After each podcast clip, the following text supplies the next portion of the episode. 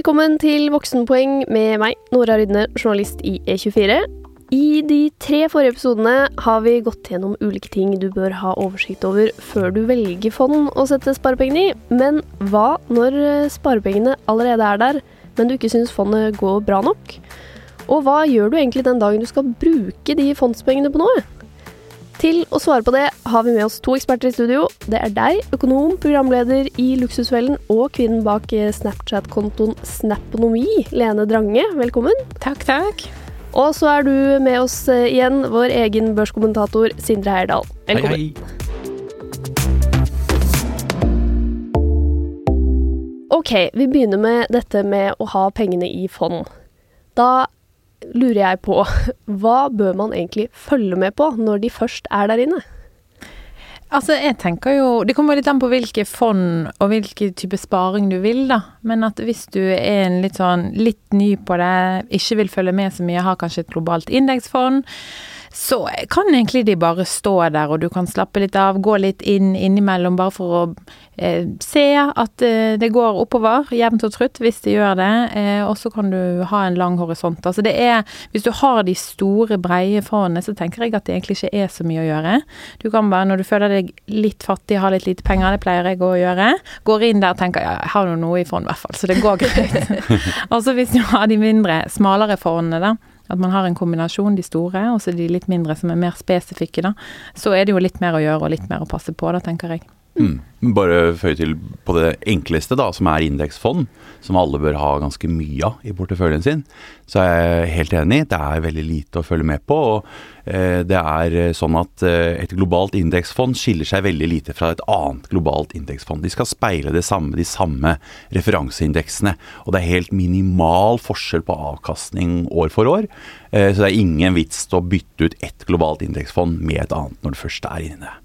Ok. Men hva med de smale, da? Hva bør jeg følge med på der? Jeg har jo, eh, etter tips herfra, satt litt sånn eh, småpenger i aktive fond. Gjerne da med litt ganske lavt honorar, men de er smale, da. Og de kan variere i sånn rangering på Mm. Morningstar og sånn. Hva, hva ser jeg på da?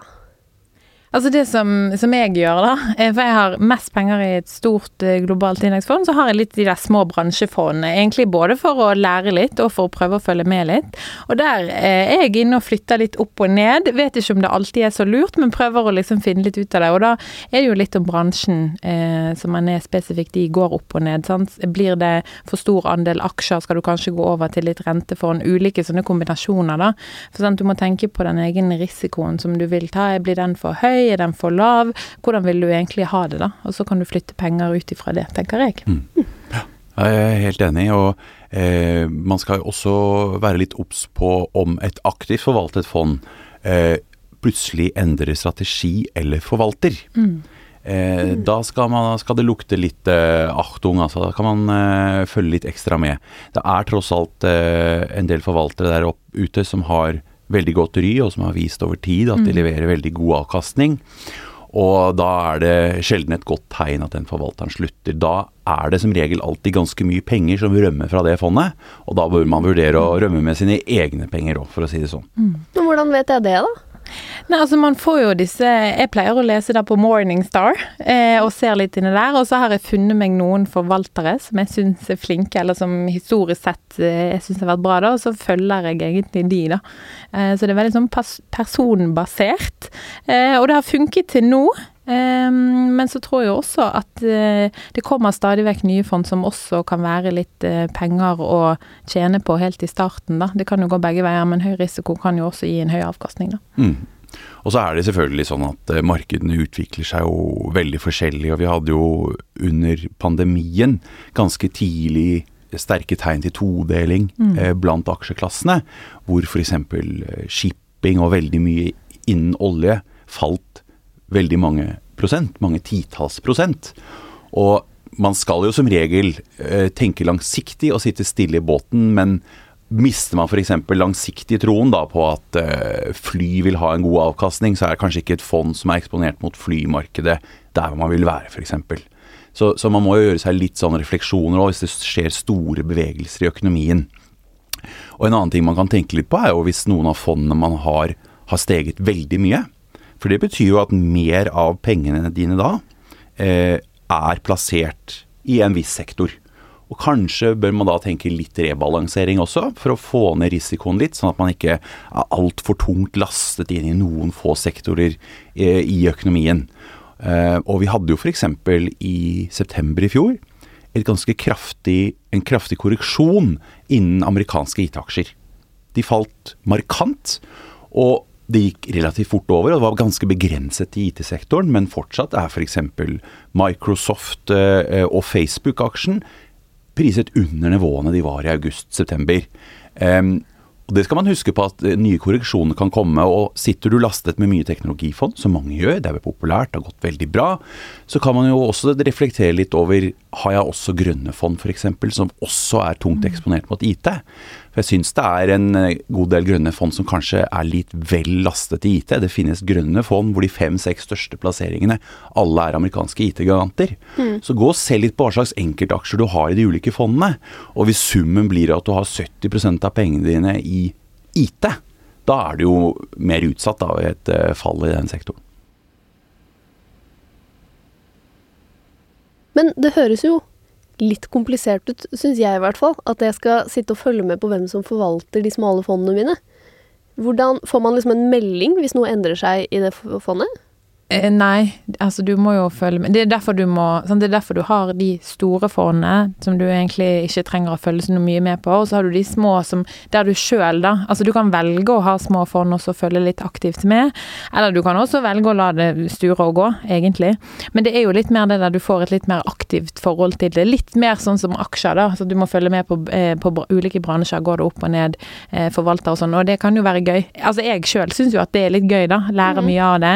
Eh, men du trenger jo ikke gjøre det. Da kan du heller ta de store globale indeksfondene. Så hvis jeg eh, vil ha liksom krydre og følge med, så, så, må jeg gå inn og sjekke aktivt, liksom, og huske. Sist jeg var inne her, så var det den forvalteren, det gikk bra. Oi, nå har de bytta. Jeg må være ganske på. Ja, ja, ja. Men altså, du trenger jo ikke gå inn en gang i måneden da, kanskje. Altså, det er ja. ikke hver dag. Nei. Nei. Det er relativt sjelden at et fond radikalt endrer strategi eller forvalter. Det er ganske sjelden, og du vil som regel få en melding også fra, vil, fra fondet ditt. Ja. Fordi, Gjør du det? Det har jeg ikke fått det. Nei. nei. det er dårlige, dårlig banker. jo, men dette har jeg tenkt på. At jeg, jeg har jo eh, vært inne i banken noen ganger og så sett at jeg har en sånn meldingsinnboks der det står sånn 200 uleste. Ja, ja, ja, ja. Sånn, ja her var det litt info! som jeg aldri har sett på. Mm. Så det er kanskje der man får det. Men jeg kan også love at eh, vi i E24 og resten av finansprosessen vil være ganske på hvis en av disse store suksessforvalterne som tiltrekker seg penger og kunder bare ved sitt eget navn, hvis de slutter, da skal vi være på. Så lurer jeg på en ting til, fordi jeg har jo disse småfondene. Og så øh, bestemte jeg meg for at jeg skulle vekte meg litt ned i et sånt grønt fond som hadde ganske høy avgift, og så hadde jeg hatt en voldsom avkastning. Og så tenkte jeg nå syns jeg kanskje det var Nå tar jeg ut litt av det um, avkastningen jeg har fått. Men så tenkte jeg ok, er det smart at jeg bare rykker ut det alt på en gang, og overfører det til et annet fond? Eller bør man liksom ta det sakte ut? Det ble helt sånn. Hva tenker dere om det? Jeg tenker at det er en forskjell på om Altså hvis du har eh, igjen da de store fondene, og du sparer over lang horisont, kanskje du skal kjøpe en ny bolig, eller du skal kjøpe hus eller hytte, eller du egentlig bare sparer for å ha penger frem i tid. Og når du da kommer til det tidspunktet at du skal ta ut pengene, at du har litt horisont, og at du planlegger litt, sånn at du tar ut litt og litt, da. Men hvis det er sånn at du har et smalt fond som du har egentlig bare testet litt, eller litt sånn som du har, sant, det har gått bra her, og vil egentlig bare flytte pengene, Sånn, så det er en annen handling da, enn hvis du skal bruke større deler av det du har i fond totalt. da. Ok, Så ja. hvis jeg har 10 000 i et fond, da kan jeg ganske trygt bare ta 10 000 ut på dagen? Ja, ikke, egentlig. Ja. ja. jeg vil si det, og det har jo skjedd store endringer da de siste årene hvor vi da har fått aksjesparekonto. Og når du da er inne i det universet, så er det ingen skatteplikt som utløses. Og da er det blitt mye lettere enn før å bare slakte det fondet du ikke er fornøyd med av en eller annen grunn. Før måtte du da begynne å også ta mer hensyn til, og ble egentlig låst litt inne i fond, for du kunne være redd for at skatteregningen spiste vekk så mye av det du hadde der. Så det er blitt eh, mye mer ukomplisert å bare gjøre det. Men da har jeg også merket at det tar jo litt tid før du selger et fond, og du faktisk får de pengene inn på aksjesparekontoen. Hvordan vet jeg hva jeg selger for? Du selger til eh, ukjent kurs. Du vet faktisk ikke hva du selger for. Ja, Men du får eh, som regel i banken din en beregning av hvor mye det blir. Men det er bare en foreløpig beregning. Den endelige kommer når eh, oppgjøret eh, gjøres, og det henger jo sammen med at eh, du er bare en av gjerne mange tusen andelseiere i et fond. Og de ordrene slås da sammen og selges typisk én til seks virkedager etter at du trykker på salgsknappen. Eh, og de ordrene tas da i sammenheng. Eh, men hvis markedet er relativt rolig og flatt, så vil jo den eh, kursen du får være veldig nær den foreløpige beregningen. Selger du derimot midt i et eh, børskrakk, selvfølgelig, så kan det bli kan det en god del mindre på konto. Og det gjelder når du kjøper òg. For jeg følte at jeg var skikkelig smart og tok ut litt penger av et sånt grønt fond og satt en del inn i materialer. Fordi jeg tenkte, eller jeg leste, at det kom til å stige når pandemien eh, Eller økonomien begynte å komme litt på beina etter pandemien. Men så tok jo det ganske lang tid, og da tenkte jeg nå har alle rukket å lese den artikkelen. og hørt akkurat det samme. Er det samme greia at jeg kjøper for en gitt sum, og så vet jeg ikke før det har gått gjennom hvor mange andeler jeg faktisk har fått for de pengene? Kjøper og selger på ukjent kurs. Interesting. For sånn er det ikke med aksjer. Da kjøper du til en kurs som er satt, og så får du aksjene med en gang. Ja, eh, så er det litt forskjellige teknikker på Du må gjerne angi et, et visst rom da du er villig til å selge for, f.eks. Men du, da får du vite det veldig raskt. Der selges og, og, og, og kjøpes det eh, der og da. Fond, det kommer eh, i etterkant. Og eh, hvis du selger et fond eh, i den banken du har, hvor banken selv kanskje står bak som forvalter, så går det typisk litt fortere enn hvis du selger et litt eksotisk eh, fond med utenlandsk forvalter, f.eks. Men eh, når bør man bytte ut et fond, da? Og da tenker jeg jo at det tydeligvis bare gjelder små fond, og ikke de store globale. Fordi de går gjerne likt. Har dere noen kriterier dere bruker for å vurdere at sånn Oi, nei, nå gidder jeg ikke det fondet her. Jeg bytter ofte ut, som han sa i sted, hvis jeg ser at det fondet eh, er ganske likt etter de andre fondene man har, eller store deler at det er likt. Og så liker jo jeg også jeg vet, Det er ikke alltid så lurt, men hvis et fond har gått veldig bra, så pleier jeg å ta ut litt penger, da. Okay. For å da plassere det et annet sted, for jeg føler at det da kommer til å gå ned igjen. Det er ikke alltid det er sant, og det er ikke alltid det er så lurt, men det er liksom litt sånn jeg pleier å gjøre. Og så alltid når det går dårlig, så må jeg alltid vente til det kommer opp igjen på hvert fall den verdien jeg satte inn, da. Det er litt sånn tommelfingerregel som jeg holder på med, da. Ja. Hva med deg, Sindre? Har du noen kriterier? Nei, Det går jo på det med å prøve å, å ha litt eh, god spredning da, på hvor du har puttet pengene, og at hvis det endrer seg, så rebalanser gjerne litt, da. Flytte litt mellom. Ehm, og så skjer det jo iblant eh, litt med honoraret nå. Eh, helt enig med Lene, ofte så er det veldig på, de, på desimalen eh, endringene skjer. Men det, men, det, men det er ganske mye dynamikk i fondsmarkedet nå, med ulik fondsprising. Det henger sammen med at aktørene også prøver å tilpasse seg et nytt regelverk, et sånn Mifid-regelverk. Det er mye teknisk med det, eh, men da endrer mye seg, mye seg når det gjelder eh, hva fondsdistributøren tar betalt, og hva forvalteren tar betalt. Da kommer begreper inn som plattformavgift og, eh, og, og kickbacks og det hele. Det trenger ikke vi som småsparere å tenke så mye på, men, men summa summarum så betyr det at totalhonoraret du betaler for et fond, kan endre seg litt og være litt ulikt hos de ulike fondstilbyderne. Eh, og plutselig så sitter du altså med et fond som du betaler litt mer for årlig eh, i banken din enn hos nettmegleren din, eller omvendt. Så det kan være greit å følge litt med på. Hvis, hvis du har store summer da, så kan det jo være noe å tenke på å flytte til der hvor, der hvor det faktisk er billigst. Og den jungelen er litt uoversiktlig, og det er mye som endrer seg for tiden. Eh, så er det noe man skal følge litt mer med på enn andre ting løpende, så for tiden så tenker jeg det er det. Og da burde du bare rett og slett Det burde jeg jo sikkert gjøre. Bare ha en oversikt over hvor mye det koster nå. Bare for å finne ut om noe skjer. Fordi hvis jeg, man har 1000 fond, eller jeg har jo ganske mange fond, så er Jeg har jo ingen oversikt. hvis det hadde skjedd noe der med en, liksom ett desimalpunkt, så hadde jeg jo ikke ant det. Hvis du vil følge godt med og syns det blir litt mye jobb, så er det jo noe å vurdere å, å begrense litt antallet aktive fond, da. Ja, men det er jo kjedelig. Men det er jo en liten hobby, da. Ja. Eller man har jo det ofte som en hobby. Har du mange små aktive fond, altså sånn som du har, eh, eh, så følger man godt med og syns det er jo litt gøy, da. Og så er det sånn hvis det går opp fra 0,18 til 0,19, da, så er det begrenset hvor mye det utgjør, da. ja, jeg har jo ikke jeg, Det er ikke sånn at jeg forvalter millioner av Nei, nei men det er, sånn er jo det for de aller fleste. Da, sånn, Ja. Så går det litt opp. Eh, altså Det er jo litt sånn som med strømregningen og forsikringen og alt mulig. Sant? Altså Det stiger jevnt og trutt, det blir litt dyrere. Sant? Og så kan du bytte til en annen, eller kjøpe samme fondet via en annen forvalter eller en annen plattform og disse tingene her. Men, men um, du skal tjene litt penger, skal du gidde å gjøre det da, egentlig. Tenker jeg det, i hvert fall for den jobben. Mm. Ja, og har du, noen, har du 1000 kroner i et fond, så er det noe helt annet enn om du har 200 000, ikke sant. Det er jo Ja. med de store tallene at disse honorarene Ja. virkelig begynner å slå inn. Ja. Mm.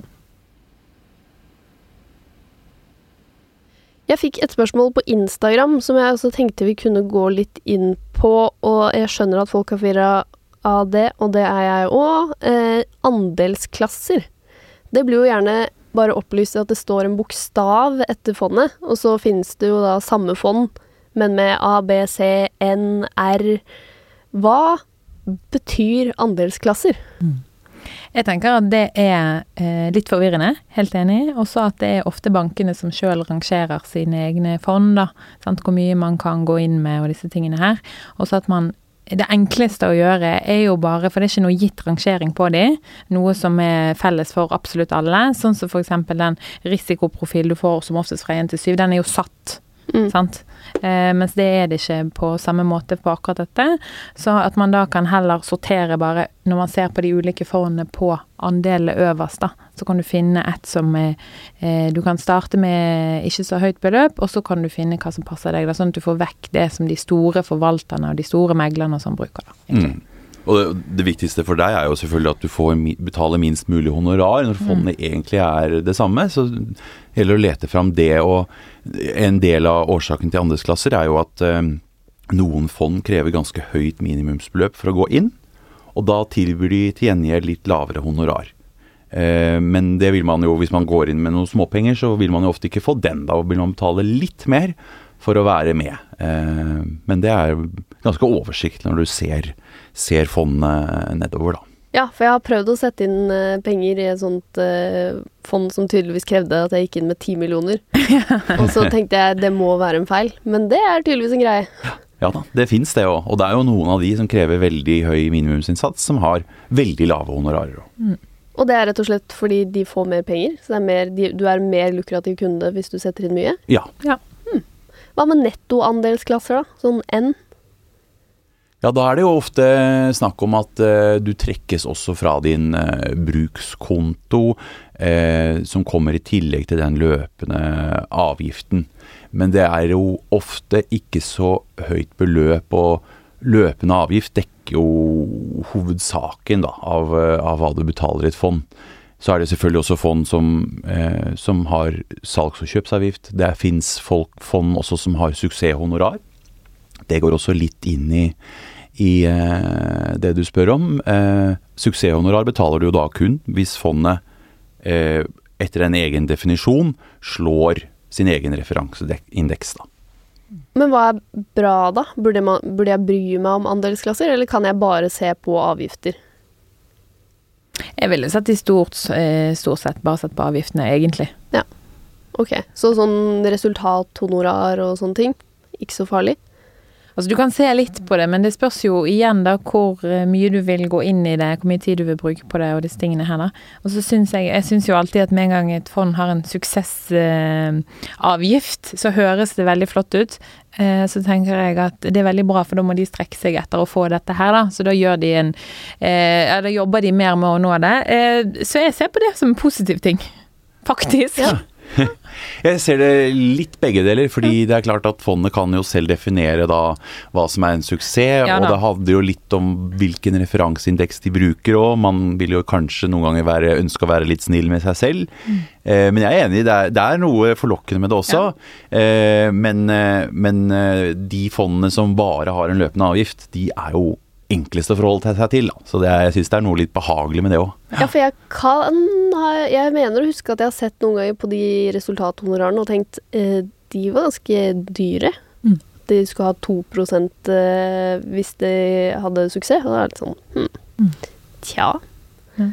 Men det er jo variasjon i de også, da. Ja. Altså, sant? Så du må liksom se alt som en helhet, egentlig. Så da Hva må du sjekke litt mer. Ja. Det er en jobb, men det er egentlig litt gøy, da. Jeg syns i hvert fall det, da. Ja. Så hvis man er ordentlig interessert, da, så er det mye å ta seg til. Helt enig. Og vi ser jo en sånn tilstrømning av småsparere til Oslo Børs, Ja. som satser voldsomt på enkeltaksjer. Eh, og de bruker jo masse tid. Det er jo enda mer tidkrevende. Ja, ja. Her får man en litt mellomting, men eh, jeg tenker det understreker litt at aksjefond trenger ikke være så kjedelig heller. Det er faktisk mulig til å gjøre ganske mye også der. Mhm.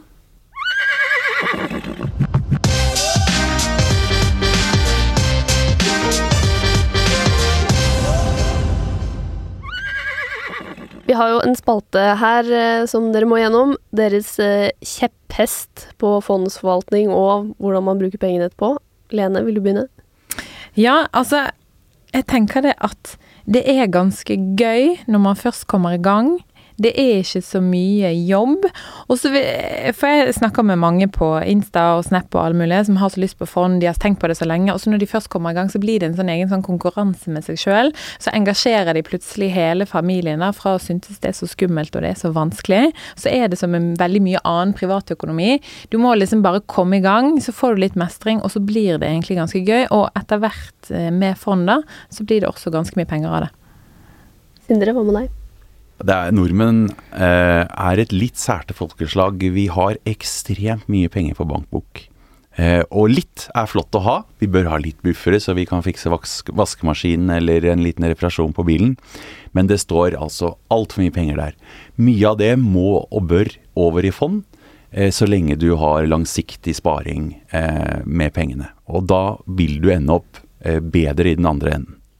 Og da kommer vi inn på noe jeg lurer på, for dette har jeg spurt deg om 100 ganger, eh, Sindre. Eh, Jeg har jo ikke bolig, i likhet med mange andre unge. og sparer penger i fond. eh, Men så vet jeg jo ikke når jeg skal kjøpe bolig. Det kan være om ett år, det kan være om fem år. Burde jeg da slutte å sette pengene mine i fond? Jeg ville først og fremst fylt BSU-en. Det gjør jeg. Ja, altså begynne med det. Først liksom fyll BSU-en, få skattefradraget, få den gode renten, for den avkastningen er jo garantert, og den er ganske god. Eh, og så vil jeg, når du først begynner å by, og kanskje sånn, så får du en leilighet, og så skal du overta om tre måneder eller fire måneder eller noe sånt, når det liksom virkelig begynner å nærme seg, og det er et halvt år til du faktisk overtar og skal betale for boligen, så kan du da begynne å ta penger ut av et fond eventuelt, da. Ok, for dette er interessant. Jeg fant ut eh, noe litt nedslående, for jeg tenkte ok, nå må jeg begynne å liksom Nå, nå jeg begynne å sjekke hva jeg faktisk kan kjøpe, og hva det ville kostet meg, for å liksom avgjøre skal jeg prøve å komme meg inn på boligmarkedet. Men da sa banken, som skulle gi meg et finansieringsbevis, at eh, hvis du har en del av egenandelen din i fond, så trekker vi deg 20% Da regner vi med at den egenkapitalen er 20% mindre verdt, i tilfelle det kommer et børskrakk eller et eller annet. Mm. Ja, så de trakk 20 da. Ja, det er jo samme regel som de har hvis du, har en bo hvis du eier en bolig nå, og så kjøper de en ny bolig. Sant? Ja. Selv, om, selv om du bor eh, La oss si at du bor på 45 kvadrat i Oslo, da, som du har hatt i fem år, som har sikkert steget Altså ikke doblet seg i verdi, men hatt en enorm prisvekst, da. Sant? Så tar de taksten, og så trekker de også fra en eh, 20-30 da, eh, på den prisen. Så jeg syns jo at det er en tulteregel, og den går det fint an å forhandle på hvis du bare kommer ett hakk videre i banken. Å, du gjør det! Ja, ja, Så ja. jeg skulle sagt nei, nei, nei. Ja, det går fint an. Det gjør det. Eh, og så kan du høre med ulike banker. Du trenger ikke få finansieringsbevis fra den banken du er i, men også andre banker. Så det har vi hatt stor Jeg har hatt en stor greie om det på Instagram, på eh, den kontoen, og der Det går helt fint å forhandle på. Ok. Mm. Så jeg tenkte jo da ok, dæven, da, må jeg- da må jeg bestemme meg, da. Da må jeg begynne å ta de pengene ut av fond før jeg får et finansieringsbevis. Men det trenger jeg ikke. Ikke nødvendigvis. Ok, men hvis jeg da kjøper bolig, hva gjør jeg? Eh, la oss si at jeg har 200 000 kroner i fond, som et eksempel. Hva gjør jeg da når jeg skal ha de pengene ut? Hvor, når begynner jeg? For da skjønner jeg det som at dere begge mener at det er dumt å bare ta, selge alt på en gang. Ja, nei, egentlig kan det være eh, greit nok å selge alt på, på en gang. Eh, akkurat som det kan være greit å kjøpe alt på en gang. For, eh, men men eh, for den enkelte så tror jeg for å unngå eh, de store toppene og bunnene, så skader det virkelig ikke å dele det opp i noen beløp over litt tid. Sånn at du er enda mer sikret å ikke kjøpe på bunn og, og selge på topp. Eller omvendt, ikke Ja. selge på topp og, og, og, kjøpe på bunn. Så, så det kan fint strekkes over litt periode, men så lang periode trenger det ikke å være. Og skal du først ha deg bolig, så vet du hvor du vil med pengene dine. Og da er det ikke noe grunn til å vente veldig eh, med å ta de ut heller. Så hvor lang tid eh, ville dere satt av til å rykke ut eh, 200 000 fra et fond? Eller mer, da. Jeg vet ikke. Altså, jeg, vil, jeg føler at mange bommer litt på det der at når jeg faktisk er i budrunden og kjøper boligen der må jeg ha pengene, men sant, du betaler jo egentlig ikke for leiligheten før du overtar den. Og det er jo tre, fire, fem måneder frem i tid, alt etter hva man eh, avtaler med selger. Så altså, jeg ville først kjøpt bolig, eller i hvert fall var ganske sikker på at man kommer til å kjøpe bolig, og så begynt å ta ut penger, da. Ok. Og da over Hva, hva hadde vært en bra tidshorisont? Nei, eh, ta en tommelfingerregel på den overtidsperioden, da. Tre-fire måneder, kanskje. Ja. Ok, Og da burde du bare skrive ned liksom sånn ok, en gang i måneden, så og så mye ut. For eksempel. Men så er det jo veldig mange år, eh, selv om man ikke tenker det på kjøpstidspunktet, men eh, sant, når du kjøper ny bolig, så skal du også ha nye møbler, du skal ha mye ting. Og, og hvis du da plutselig har, la oss si at du hadde 200 000 i fond som du skal bruke som egenkapital og sånn, så er det fristende å kjøpe sofaer og kjøpe interiør og oppgradering av leiligheten før du overtar den, da. Så du må også passe på hvor strukturert du er, og hvor flink du er til å liksom ikke bruke de, da. Ja. Der eh, er det nok en del som går i en liten sånn felle. Så det er òg en sånn fordel med å ta ut litt og litt, da. Ja, så får man dem ut, og så skal man kjøpe denne boligen, og så Så skal jo det skattes av, men ikke nødvendigvis eh, der og da. Hvordan, hvordan finner jeg ut av hva jeg må skatte? For da kan jo jeg potensielt få en heftig skattesmell et år etter at jeg har kjøpt bolig. Ja, eh, det er egentlig ganske greit. De, eh, alle banker jeg kjenner til, som jeg har hatt et forhold til, eh, har ganske god oversikt over hvordan det står til med fondene, og hva som er gevinsten. Og det er jo, hvis du skulle ta ut alt da, fra, fra, et, fra en aksjesparekonto, så er det jo da kun gevinsten du skatter av, ikke innsatsen, ikke det du satte inn. Eh, og og den, den oversikten finner du i apper, i nettbanken.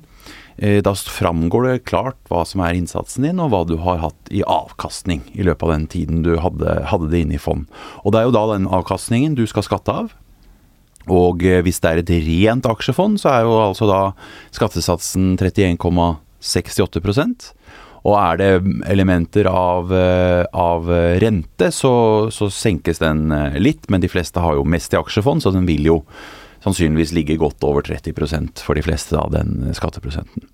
Men det går jo fint an å vurdere også. Skal jeg ta ut hele innsatsen i aksjefondet og la gevinsten stå? Da slipper du jo å skatte av det. Ja. Og så er jo det dette her for mange som bruker det til å kjøpe bolig, da. Sant? Så får du også rentefradrag for betalte gjeldsrenter. Sant? Det begynner jo du med når du begynner å betale avdrag på lånet og betale altså terminbeløpene, da. Mm. Sant? Så du får jo lavere skatt av det, og så må du eventuelt skatte av gevinsten. Det regnestykket, hvis ikke du har ekstremt mye penger som du tar ut da, går ofte litt opp i opp, da. Ok, så jeg trenger ikke være kjempebekymra for at jeg får en helt sjuk skattesmell. Eh. Altså Det kommer selvfølgelig an på beløpet, da, men det er en fin ting å ta med. Eh, og så er jo dette her med å oppdatere skattekortet ditt. sant? Både når du Altså hvis du får en gevinst du må skatte, sånn at du tar det litt løpende over eh, lønnsslippen, da. Mm. Ah, er det jeg som må følge med på det? Hva, må jeg føre det inn i skattekortet mitt? Nei, altså eh, Skattekortet ditt sant? kan du jo logge inn, det er ganske enkelt å endre på. Sant? Både hvis du går opp i, opp i lønn, eller du får større endringer. Da, sant? Kjøper bolig, går over fra å studere til å jobbe fast. Eh, F.eks. at man går fra hverandre. Altså de større tingene du får barn og alle disse tingene her, så må du inn og endre i skattekortet. sant? Så hvis du da kjøper bolig, inn og endre, eh, la oss si at du også får en voldsom gevinst og du skal skatte, så kan du også legge det inn i skattekortet, sånn at du skatter litt underveis. Sånn at du ikke da i mars, når du får skattemeldingen, plutselig får x antall tusen i restskatt, da. Ja, og det, det visste jeg ikke om man kunne gjøre. Mm. Jeg trodde skattekort bare var sånn Jeg tjener så mye skatt etter det. Du kan endre hver dag hvis du vil. Ja, det er veldig mye. Og, Yes. og gjør du det nå, Ja. så er jo tidspunktet veldig heldig også, for nå er vi jo i januar. Det, skulle du solgt et fond nå, så kommer altså den skatteregningen først senvåren neste år, 2022. Det betyr jo at hvis du endrer skattekortet nå, så har du jo god tid til å betale eventuelt mer ekstra skatt, så du skal slippe en stor baksmell neste år, da. Ah, I did not know. Ok, så det er mer du kan endre enn bare lønna di. Du, eh, Ja, ja. Da oppdaterer den seg med at du må betale mer skatt. Mm. Og så er det viktig det, det som mange bommer på, eller ikke helt tenker over med skattekortet, er jo at de tallene som står der, er jo det som skal gjelde fra 31.12. inneværende år, da. Sant? At lønnen skal være det jeg kommer til å tjene da eh, i 2021. Sant? Men også sant, hva du har i fond, eller hva du har spart. Og, sant? Så det er liksom litt sånn frem i tid. Så uansett, da, så er det jo lurt å gå inn og endre der. Nettopp. Legge inn litt mer her. Jeg tror ikke jeg har noe annen info enn lønn, jeg. Det er interessant.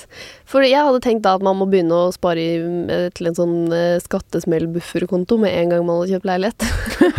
Nei, det tror jeg ikke er nødvendig. Nei, og Lene har jo et kjempegodt poeng, for hvis du selger aksjefond nettopp for å kjøpe bolig, som veldig mange gjør, så er det jo eh, fantastisk dette med, med rentefradraget på boliglånsrenter. Det er jo et ganske særnorsk fenomen, så gode betingelser som vi har der. Og den summen spart der kan for veldig mange iallfall oppveie eh, den, den eventuelle skattesmellen du får da. Så det blir jo enda en grunn egentlig da, til å ikke ta ut de pengene før du faktisk har eh, en slags tidshorisont på når du kommer til å kjøpe. Ja. Ja. For det kan jo ta litt tid. I Mhm. hvert fall hvis du har veldig lavt budsjett, som enkelte. Og så er det jo mange eh, Altså, jeg føler jo man er jo nå, eh, Altså, man er jo kanskje i 10-20 budrunder, da. Mm. For man begynner jo alltid kanskje litt høyt, og så senker forventningene Ja. seg litt, da. Så, så det tar jo litt tid, den prosessen der, også for mange, da. Så rådet er eh, vent til du faktisk eh, har kjøpt nesten. Hvis du ikke har Eller du er veldig klar, da. i ja. fond, da. Mm. Men, men samtidig da, så må det jo også sies at uh, aksjefond, som har lavere uh, risiko enn aksjer, det er jo først og fremst for langsiktig sparing. Man bør jo helst ha minst en femårshorisont på sparingen for å gå inn. Og sånn som eh, børsene er for tiden også, så er de jo veldig høyt priset.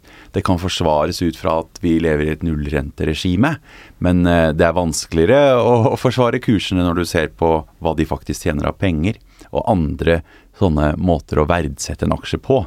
Så, så det er jo ikke, vi står ikke akkurat nå i et farvann hvor det er åpenbart at børsene skal videre opp, og at eh, det kan være så Det kan ha noen ulemper da å stå for lenge i i aksjemarkedet hvis du begynner å få en helt klar formening om når du skal kjøpe deg leilighet.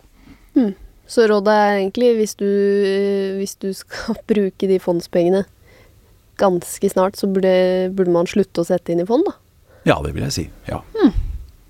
Men ikke ta de ut heller. Nei, Altså, ikke, ta det, ikke ta ut det du har, men Ja. kanskje slutte å sette ting inn hvis du skal ta det ut etter et par måneder. At du da heller kan bruke en sånn BSU 2.0-konto eller et eller annet sånt, da. Mm.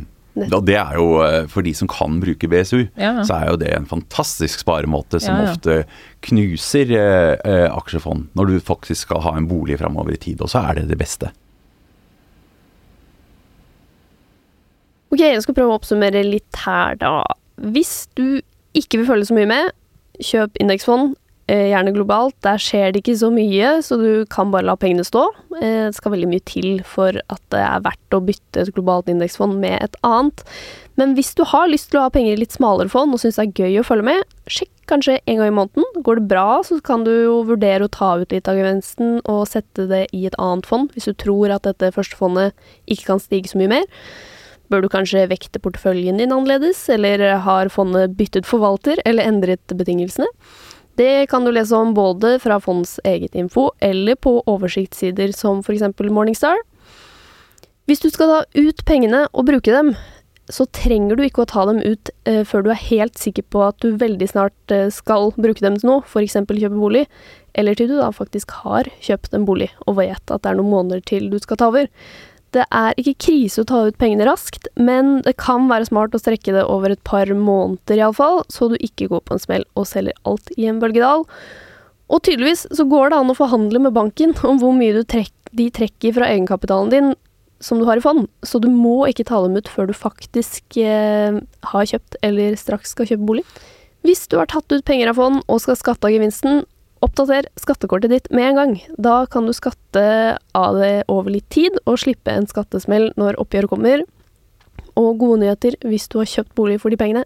Skattefradragene på lånet kan veie opp for skatten på gevinst, så igjen, oppdater skattekortet. Var det greit? Har dere noe å tilføye? Nei, det hørtes veldig bra ut. Jeg vil bare en liten sånn oppfordring. Hvis man er veldig interessert, så begynn med noen smale fond. Så er det ganske gøy og lærerikt. Du trenger ikke kunne så mye før du begynner, og så kan du ha en ganske bratt læringskurve etter hvert. da. Mm. Det, er, det, er, mye å lære, og det er egentlig ganske fint. Det er veldig gøy. Mm. Mm. Jeg vil si Det har aldri vært bedre å være fondseier eh, enn i dag. Hvis vi ser liksom på de brede trekkene, så er honorarene på vei ned tilbudet av eh, indeksfond, som også er spesialiserte, er økende. Eh, og du får utrolig mange forskjellige eksponeringer i ulike markeder og, og, og risiko. Så det er noe for eh, enhver der ute, altså. Og mye penger fra tapsprosjektet banksparing bør over i fond. Veldig bra. Tusen takk for at dere kom i dag, Lene Drange og Sindre Heyerdahl.